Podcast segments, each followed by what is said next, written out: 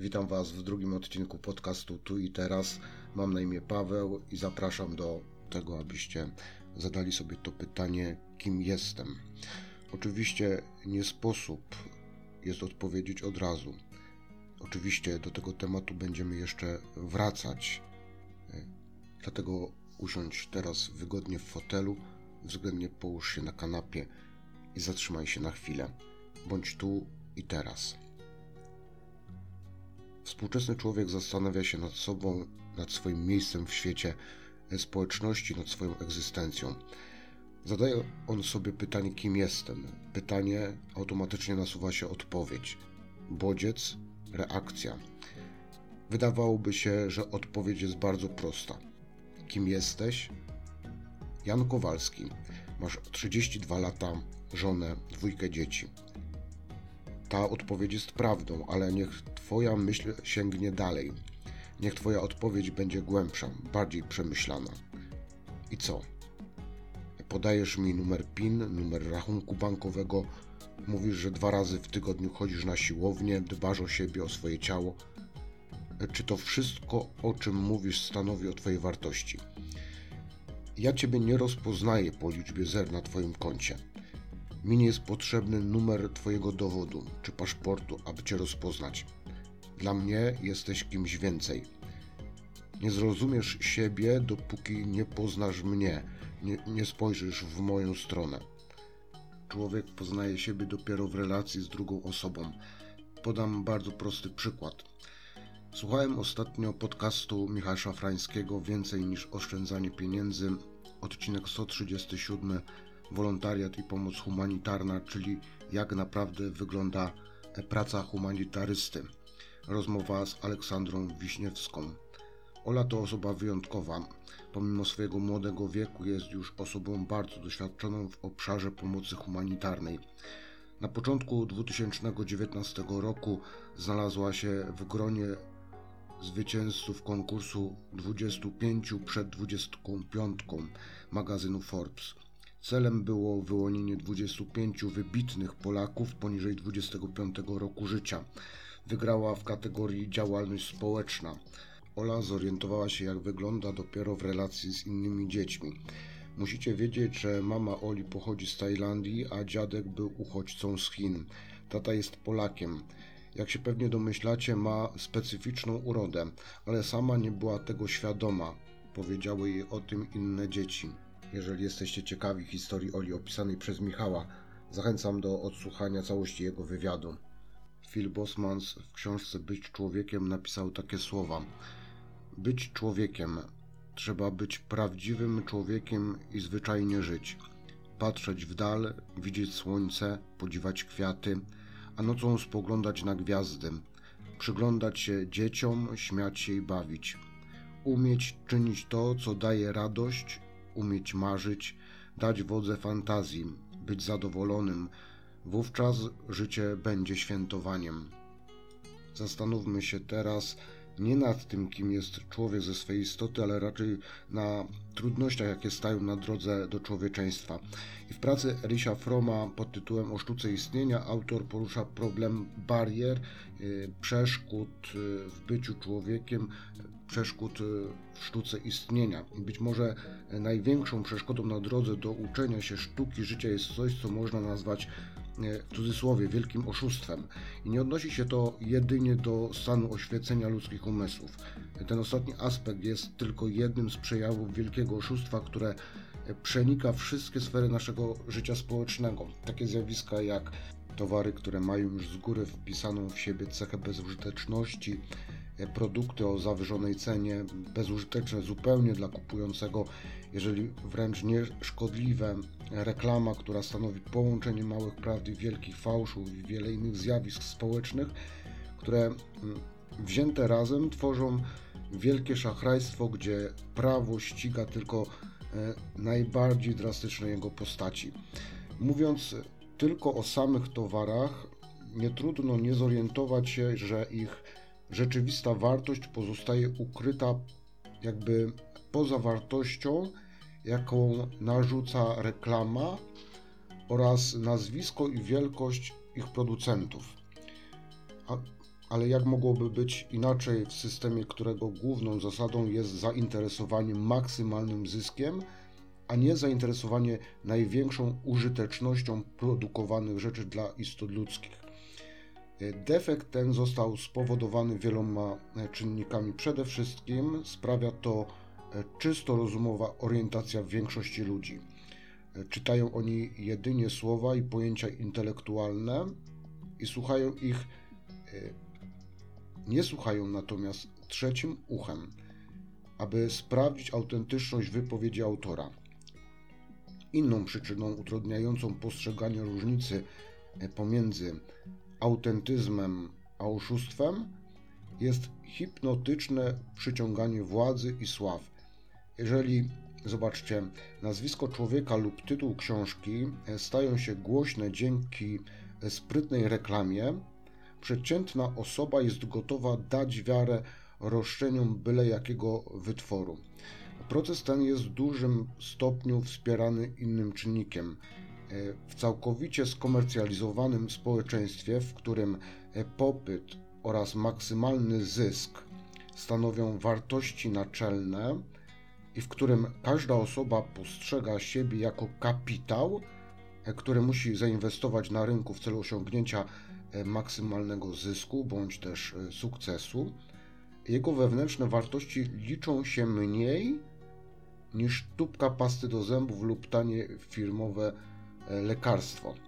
Takie jego zalety jak uprzejmość, inteligencja, produktywność, odwaga nie liczą się, o ile nie przyczyniają się do odnoszenia sukcesu.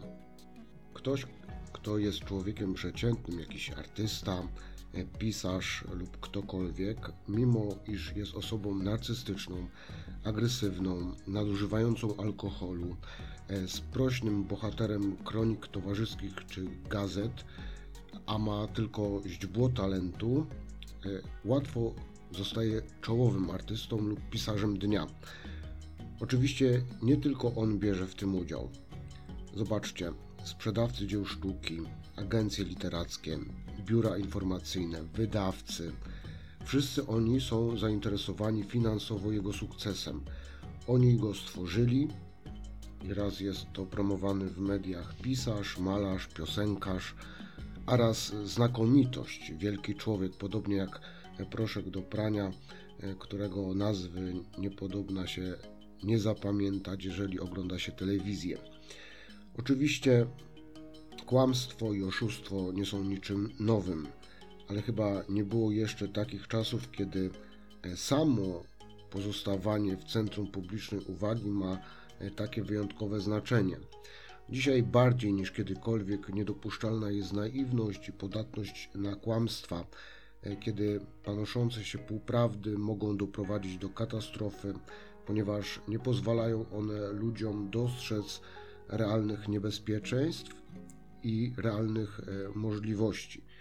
I zdaniem realistów, ci, którzy starają się być uprzejmi i uczynni, mają dobre intencje, ale są prostolinijni, pełni złudzeń, krótko mówiąc, są głupi. I nie mylą się tak bardzo. Wśród tych, którzy czują wstręt do gwałtu, nienawiści, egoizmu, jest wiele naiwnych osób. Potrzebują tej swojej wiary wewnętrzną dobroć każdej osoby i dążą do jej podtrzymywania. Ich wiara nie jest wystarczająco silna, aby mogli uwierzyć w żyzną glebę różnych ludzkich serc, możliwości bez zamykania oczu na brzydotę i podłość zarówno jednostek, jak i całych grup. Przy takiej postawie ich usiłowania, aby osiągnąć optimum dobrostanu, nie mogą się powieść. Każde intensywne rozczarowanie przekona ich, że się mylili albo pogrąży w depresji, ponieważ nie będą pewni w co wierzyć. Wiara w życie, w siebie samego, w innych musi być oparta na twardym gruncie realizmu, to znaczy na zdolności do postrzegania zła tam, gdzie ono występuje, do dostrzegania świństwa, destrukcji, egoizmu, nie tylko wówczas, gdy są one rzeczywiste i jawne, ale również w ich licznych przebraniach i racjonalizacjach.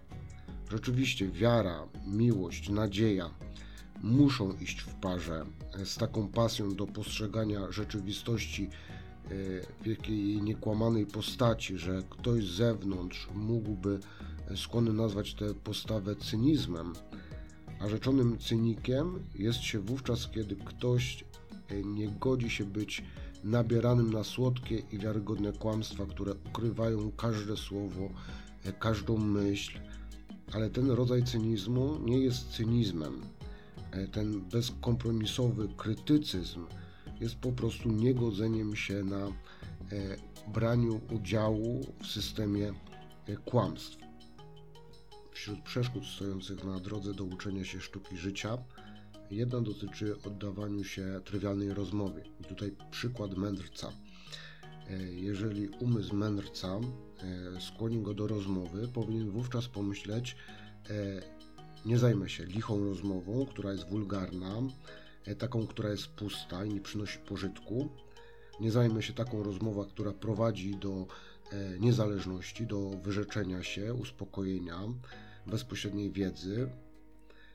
Nie zajmę się rozmową o królach, złodziejach, ministrach, armiach, głodzie i wojnie, o jedzeniu i piciu, o ubieraniu i zamieszkiwaniu, o perfumach, krewnych, pojazdach, wsiach, miasteczkach, o kobietach i winie, plotką uliczną i plotką przy studni, gadaniem o przodkach, o różnych głupstwach, opowieściami o pochodzeniu mórz i lądów, gadaniem o rzeczach, które są takie lub siakie, o wielu podobnych rzeczach. Można powiedzieć, że posiadł taki mędrzec e, pełne spraw rozumień, ale e, rozmowa, e, która pomaga nam wieść skromne życie, użyteczna dla jasności umysłu, która prowadzi do całkowitej niezależności, braku porywczości, E, do wyrzekania się e, bezpośredniej wiedzy jest rozmową o umiarkowaniu, zadowoleniu, samotności, odosobnieniu, wyzwoleniu energii, o życiu moralnym, koncentracji, e, mądrości, wyzwoleniu oraz o wiedzy i wyobraźni z tego płynących wyzwolenia. I taką rozmową mędrzec się zajmie. Zobaczcie, mm, trudno przecenić ludzką potrzebę mówienia o sobie i byciu wysłuchanym. E, gdyby potrzeba ta występowała tylko u ludzi narcystycznych, której e, przepełnia wyłącznie ich własna osoba, łatwiej można byłoby to zrozumieć, ale ona istnieje w każdej przeciętnej jednostce z powodów, e, które tkwią w naszej kulturze. Współczesny człowiek to człowiek masowy, to człowiek uspołeczniony, ale mimo wszystko bardzo samotny. I właśnie zadaniem tej trywialnej rozmowy jest odpowiedzieć na pytanie, e, jak pozostać samemu, e, nie będąc samotnym. Tutaj rozmowa staje się nałogiem. Tak długo jak mówię, e, wiem, że istnieję, że nie jestem nikim, że mam przyszłość, że mam pracę, że mam rodzinę. I mówiąc o tym wszystkim, e, potwierdzam siebie. Jednak e, potrzebuję również kogoś, aby mnie wysłuchał. Gdybym mówił tylko do siebie, zwariowałbym. Słuchacz wytwarza iluzję dialogu, podczas gdy w rzeczywistości ma miejsce tylko monolog. Jednocześnie zaś złe towarzystwo to nie tylko towarzystwo ludzi trywialnych, ale przede wszystkim ludzi złych, sadystycznych, nienawistnych.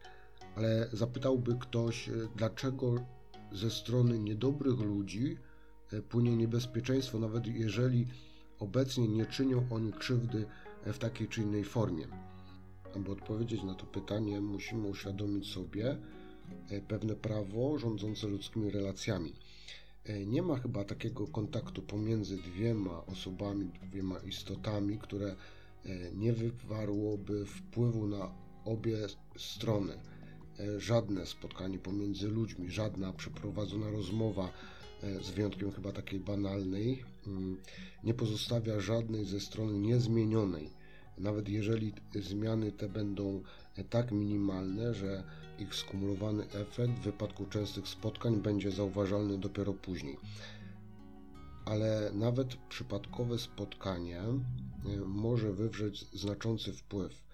E, czy jest ktoś, e, kto przynajmniej raz w życiu nie został poruszony uprzejmością przypadkowej osoby, którą widział tylko przez chwilę, a przedtem nigdy nie, z nią nie rozmawiał?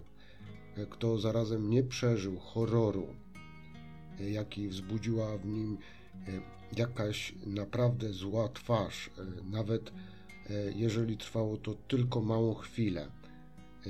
Wielu będzie pamiętać taką twarz i wrażenie, taką rozmowę, jakie na nim wywarła, będzie niósł ze sobą przez wiele lat, jeżeli nawet nie przez całe życie. Ale pamiętajcie o tym, że cudze słowa nie są w stanie Was zranić, chyba że sami na to pozwalacie. E, kto e, przebywając z jakąś osobą e, nie nabrał otuchy, nie ożywił się, nie poprawił sobie nastroju, a w niektórych przypadkach nawet nie nabrał nowej odwagi, nowego wglądu w sytuację, nawet jeżeli sama treść rozmowy nie tłumaczyła bezpośrednio tych zmian. I odwrotnie.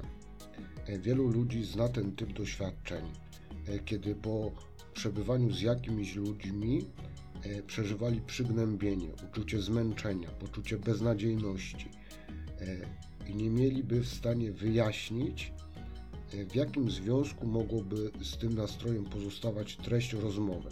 Nie mówię tu o wpływie, jaki wywiera rozmowa z osobami, które się kocha czy podziwia, których się boi.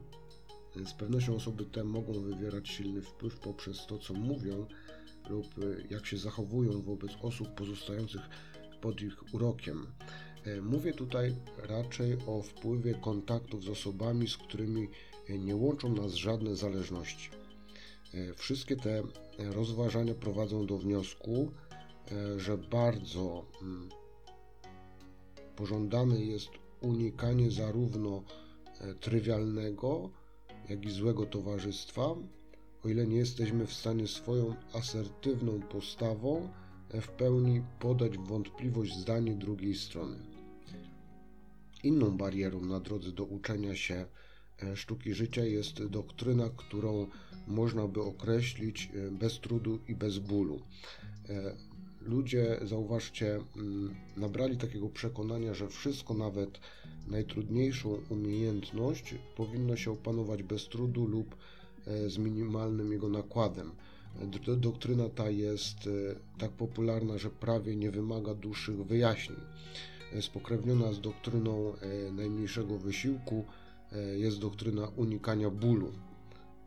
Ma ona również fobiczny charakter i wyraża się w zasadzie unikania w każdych okolicznościach fizycznego, a szczególnie psychicznego cierpienia i bólu.